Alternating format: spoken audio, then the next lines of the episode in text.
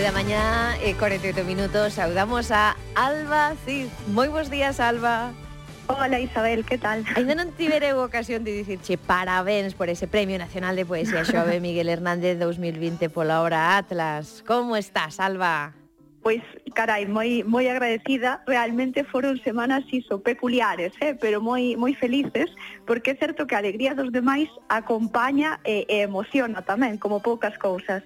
Entón, iso, é eh, contentísima. Agora que o shock xa foi pasando, é eh, realmente contenta. Oe, sí. e, e así na confianza que temos por isto de que eres da casa, colaboradora da, Radio Galega, do Diario Cultural, que trae tras de sí eh, tanto, bueno, un premio destas características, en tanto a seguramente todos os medios de comunicación quixemos falar contigo, pero tal vez tamén houbera ofertas por parte de algún editorial por aí para publicar, reeditar algúns dos teus poemarios, que sei eu, que, que cousas quedaron aí que non se contan cando unha persoa como a ti recibe un premio destas características? Pois direiche que iso vai pa niño, esa outra parte, non? Pero sobre todo o que se vive a primeira semana é un rebumbio brutal, non? A sensación de que hai moito que facer, hai moito que atender e case non das, non? Non, non das feito. Eh, realmente iso é unha alegría moi grande, especialmente por ser algo que non podes contar, non? Por ser algo que te nominan digamos, eh, externamente eh, entre mm, poemarios de todo o Estado. É dicir, foi unha sorpresa grande, grande, como sabes, Isabel. Entón, daquela, a boa sorte existe. Toca, mm, hai que crear circunstancias. E, dende logo, co traballo de investigación que fastide, ti de poesía contemporánea, de todas as publicacións, e, por suposto, agradecida sempre da túa participación aquí no Diario Cultural, entendo que antes ou despois ten que chegar ese premio, non? O recoñecemento dunha boa labor. Centrámonos, se che parece, no asunto que eh, nos traes para hoxe que teño que confesar que me encanta a maneira de presentalo que nos enviaches que un Steven en Aldaolado e acordeime de ti. Encántame 100%, como... 100%, non? Como sí, pero presenta. ademais isto collemos yo a elas, non? Collemos yo a Lucía Lado e a María... A Lucía Aldao, perdón, e a María Lado, porque elas mesmas din que este ninguén morreu de ler poesía é precisamente iso, unha instantánea do país da poesía e de algún xeito unha maneira de compactar non os seus espectáculos. Un estive en Aldaolado e acordeime de ti, efectivamente. pois tomen nota, tomen nota porque este dúo poético formado por Lucía Aldao e María Lado publican en Xerais Ninguén morreu de ler poesía. Damos fe, a min gustame ler poesía, Alba, e polo momento gozo de boa saúde. Entendo que isto é aplicable ás leitoras e aos leitores de poesía. E aquí temos argumentos. Ninguén morreu de ler poesía, publicado por este dúo. Eh, que, que o que nos ofrecen, ou seja, como podemos agora abrir tan siquera un pouco as páxinas uh -huh. desta, desta nova publicación, explicarlle a audiencia do Diario Cultural que, que se acheguen, que se acheguen á poesía de verdad?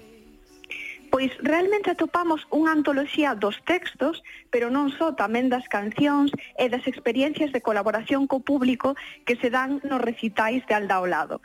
Eh, é certo que María Lado e Lucía Aldao, Aldao levan dentro 2005 que xa é ben tempo, aproximando poético a públicos enormemente diversos, promovendo formas casi de poetry slam ou conducir aqueles combates como eran a hostia en verso, facendo medias de 90 bolos por ano, como chegaron a contar, e, en suma, e, en fin, facendo moitos kilómetros para revolucionar institutos, colexios ou festas culturais. E se esta é unha antoloxía deses espectáculos, que entra neles por se hai, non? Hai ointes que non estivesen pois por trás deses títulos provocadores habitualmente dos espectáculos al dao lado, compactase poesía, eh, música, humor e moita interacción co público. Uh -huh. Para quen non lera poesía, que pense que eso eh, ten complicacións para a saúde, Eh, estamos falando deste Poetry Slam que, mm, claro, son termos ao mellor así máis contemporáneos, máis novos poderíamos entendelos como unha regueifa máis ou menos o, o traballo que fan al da lado? Claro, poderíamos entendelo como a recuperación, diría eu, da poesía como evento social, non? A confluencia nun mesmo espazo de poeta e público eh, a importancia que se lle dá á interacción, porque é certo que a reacción do público teñe unha pegada evidente na propia performance ou no propio espectáculo eh, penso que cando, cando ambas as dúas colaboraban e normalmente mantiñan as hostias en verso, xa dicían daquela que un dos mandamentos era que o público fose o centro das súas decisións, non? E isto continúa sendo así, e isto ademais vese, recóllese moi ben neste volume, eh, Isabel, sí. Vale, entón, logo con ese ritmo que ten a oralidade eh, dos seus espectáculos, eso como se traslada ao texto? Eh, como aparece dentro deste libro? pois seguramente ese sexa para min un dos maiores acertos, porque é certo que non é un libro que non só acolle moitos dos hits, moitos dos poemas hit de cada unha, senón que ten textos que foron gravados, textos que fixeron parte de outros libros colectivos, cancións, eses experimentos, pero tamén é un libro que levanta actas sobre o nacemento de Aldao Lao como dúo, como dúo poético e que pespunta un pouquiño esa historiografía pendente. Tamén nos mostra as cartas ou mostra os indicios dunha autopoética, eh, mesmo como cristalizaron algunhas partes dos espectáculos. Leovos, por exemplo, unha liña do, do linear titulado cousas que queremos dicir antes da poesía. Eh, e di, o sentido do humor colócase diante de calquera outro sentido en alda o lado. Grazas a él podemos rirnos de todo e de nós mesmas. E esa é a actitude crítica que escollemos. Entón, para min, isto realmente, como, como chega esta oralidade, esta amplitude dos espectáculos ao libro, é un dos grandes acertos. E tamén hai outra dimensión fascinante, que non só ten que ver co estilo directo, co estilo oral, con ese aquel de aprendizaxe sentimental e de descoberta que teñen moitos dos poemas, con, ben, cun recurso á desautomatización de frases feitas, de mesturar un mundo de referentes culturais, senón eh, algo que ten que ver co diálogo entre ambas, co diálogo entre elas como creadoras e amigas que se sostén e que se representa de maneira exemplar eh, ao longo de todo o libro. Eh, diríamos que non sei, por grande que continúe a ser esa división entre oral e o escrito, tanto na práctica poética como nas aproximacións da crítica, Este libro mantense moi fiel ao que acabas de sinalar, Isabel, a, a fórmula de Aldao Lado, non? a esta natureza que o que quere é recuperar esa parte máis social, máis colaborativa, máis viva, seguramente, dos espectáculos Aldao Lado. Que interesante, que interesante. A mí casi se me antoxa que poderíamos lo ler en alto, por eso de que se convirte claramente, en moral sí, esa, sí, claramente. esa, esa poesía. E en canto a todo este contido na edición da, hmm. da mm. obra do libro, como se refleja Irexa? Pois é verdade que a edición se adapta moi ben, sendo sinxela, adáptase moi ben o ton e os contidos do libro, porque é moi suxestiva desde o punto de vista do formato, hai moitas partes que aparecen impresas a dúas cintas para sinalar as voces de, das dúas poetas, non?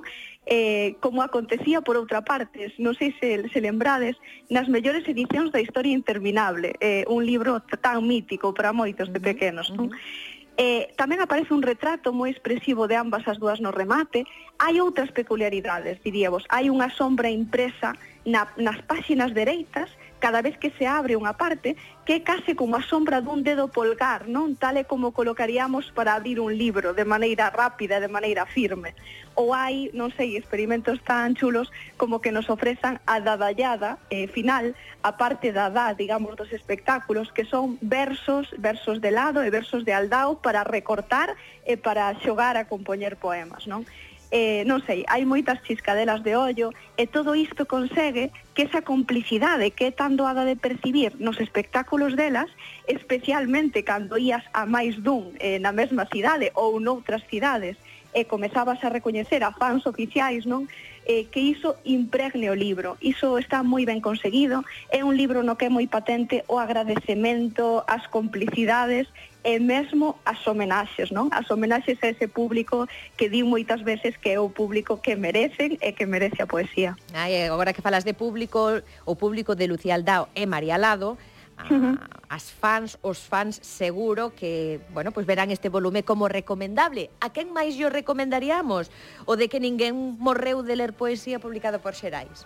Pois agora xusto que acabamos de saber que apenas un mes máis tarde de ser publicado o volume volveu á imprenta, vou vos citar outros dous casos. Eh, para min, tamén é un volume para as persoas que nunca leron poesía, para quen desconfíe dela, non, polos prexuizos que sexa, eh, pode ser unha conexión fantástica cos adolescentes que amplía a mirada sobre o poético.